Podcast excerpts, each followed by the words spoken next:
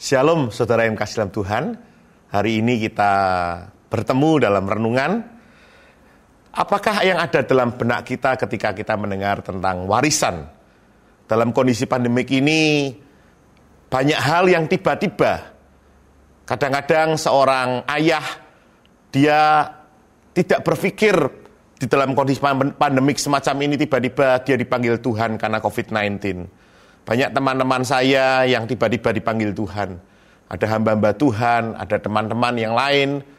Dan kadang-kadang yang terjadi, istrinya tidak mengetahui apa yang diwariskan oleh suaminya.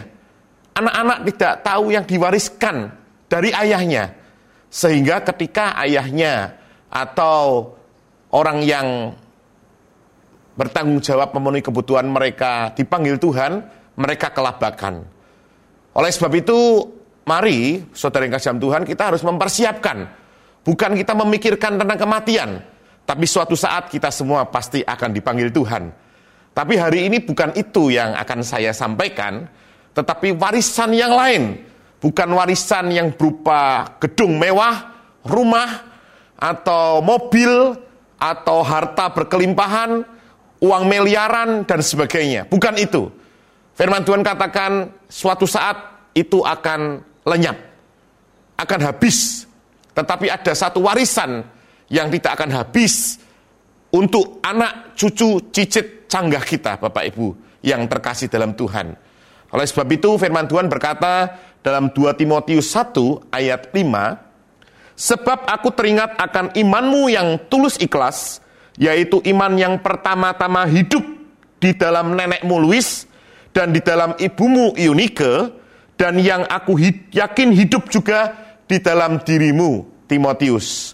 Firman Tuhan ini ditulis di kitab 2 Timotius 1 ayat 5 terjemahan baru.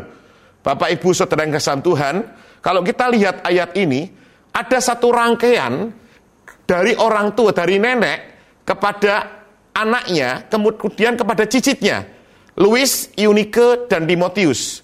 Dan kalau kita lihat ayat ini, ada warisan nilai-nilai yang diwariskan dari seorang Louis kepada Eunike, dari Eunike kepada seorang Timotius, sehingga firman Tuhan berkata Timotius menjadi seseorang yang kuat rohaninya dan dipakai Tuhan sangat luar biasa. Bapak Ibu Saudara yang kasih Tuhan, apa yang kita wariskan kepada anak cucu kita tergantung dari hari ini apa yang kau lakukan kepada mereka. Saudara yang kasih dalam Tuhan, seorang yang bernama John Lennon, nama ini tidak asing bagi kita, dia ditembak mati oleh penggemarnya sendiri di New York tahun 1980. Dia adalah mantan vokalis The Beatles. Dia mewariskan 550 juta dolar dan lagu Imagine. Kalau saudara bayangkan 550 juta dolar, kalau dirupiahkan sekarang menjadi 5, kalau 10 ribu saja satu dolar 5,5 triliun saudara. Kalau dibeliin kerupuk itu bisa satu stadion saudara. Tapi kalau kita melihat apa yang terjadi, anaknya berkata semacam ini. Lagu Love and Peace tersebut diwariskan bagi dunia. Itu hal yang luar biasa.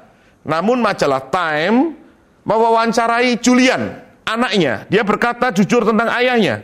Satu-satunya yang diajarkan dan diwariskan ayah kepada saya adalah bagaimana caranya tidak menjadi seorang ayah yang baik. Pandangan saya, ayah adalah seorang yang munafik. Dia katakan, boleh saja dia mengagungkan perdamaian dan cinta ke seluruh dunia, tetapi ia tidak menunjukkan kepada orang-orang yang seharusnya paling berarti baginya, istri dan putranya. Saudara, ini yang terjadi. Anaknya tidak menikmati berkat yang harusnya diterima dari ayahnya John Lennon. Bahkan kalau kita melihat bagaimana John Lennon bercerai dengan istrinya dan menikah lagi dengan orang Jepang, Bapak Ibu yang kasih dalam Tuhan. Oleh sebab itu Bapak Ibu yang kasih dalam Tuhan, apa yang kita wariskan kepada anak kita? Apa yang dikatakan anak kita kepada kita? Apa yang dikatakan orang-orang yang dikasih kepada kita? Itu adalah apa yang saudara tabur. Oleh sebab itu hari ini saudara, penting buat kita Seorang lagi yang bernama Warren Buffett, saudara kenal ya orang ini, dia eh, terkenal, dia orang terkaya nomor dua di dunia, saudara. Dan dia berkata semacam ini, Warren Buffett. Dia mewariskan, dia manusia terkaya nomor dua tahun 2008. Sampai sekarang dia masih terkaya. 10 besar lah saudara ya. Dia mewariskan 31 miliar dolar kepada yayasan sosial. Kalau 31 miliar dolar berarti 310 triliun. Saudara, dia punya anak tiga, saudara.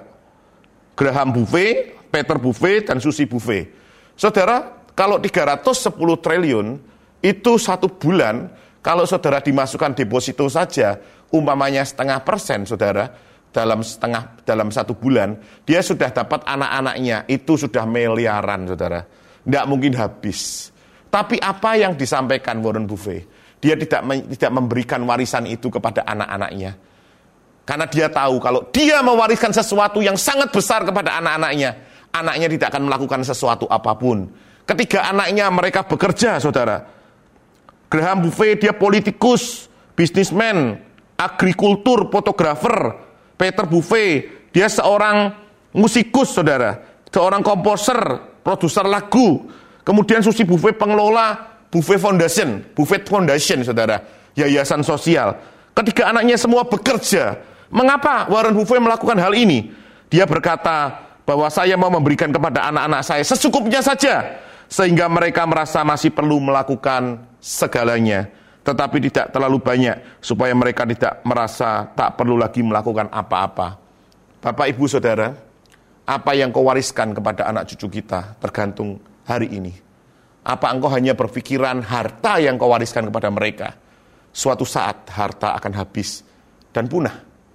Berapa banyak kita melihat sekeliling kita, orang-orang yang hebat tiba-tiba kena pandemik habis, saudara. Tapi ada juga orang-orang yang masih diberkati Tuhan. Bersyukurlah saudara, dalam kondisi pandemik ini masih diberkati Tuhan. Bagikan berkatmu kepada orang-orang yang membutuhkan. Tapi Warren Buffett memberikan satu teladan yang baik. Dia katakan, dia memberikan hartanya, nilai-nilai kepada anaknya. Supaya anak-anaknya, dia mempunyai prinsip yang jelas tentang firman Tuhan. Saudara yang kasih dalam Tuhan, Imam Eli tidak mewariskan sesuatu kepada Hofni Pinehas. Hofni Pinehas tidak pernah ditegur, dan Imam Eli biarpun dia seorang imam, hidupnya hancur. Tapi seorang Louis, seorang Eunike, mewariskan kepada Timotius. Dan saudara bisa lihat kitabnya, 1 Timotius, 2 Timotius, bagaimana dia hidup benar di depan Tuhan. Tuhan Yesus memberkati saudara, wariskan nilai-nilai rohani kepada kita.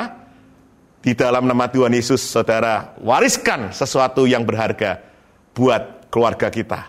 Tuhan Yesus memberkati kita semua.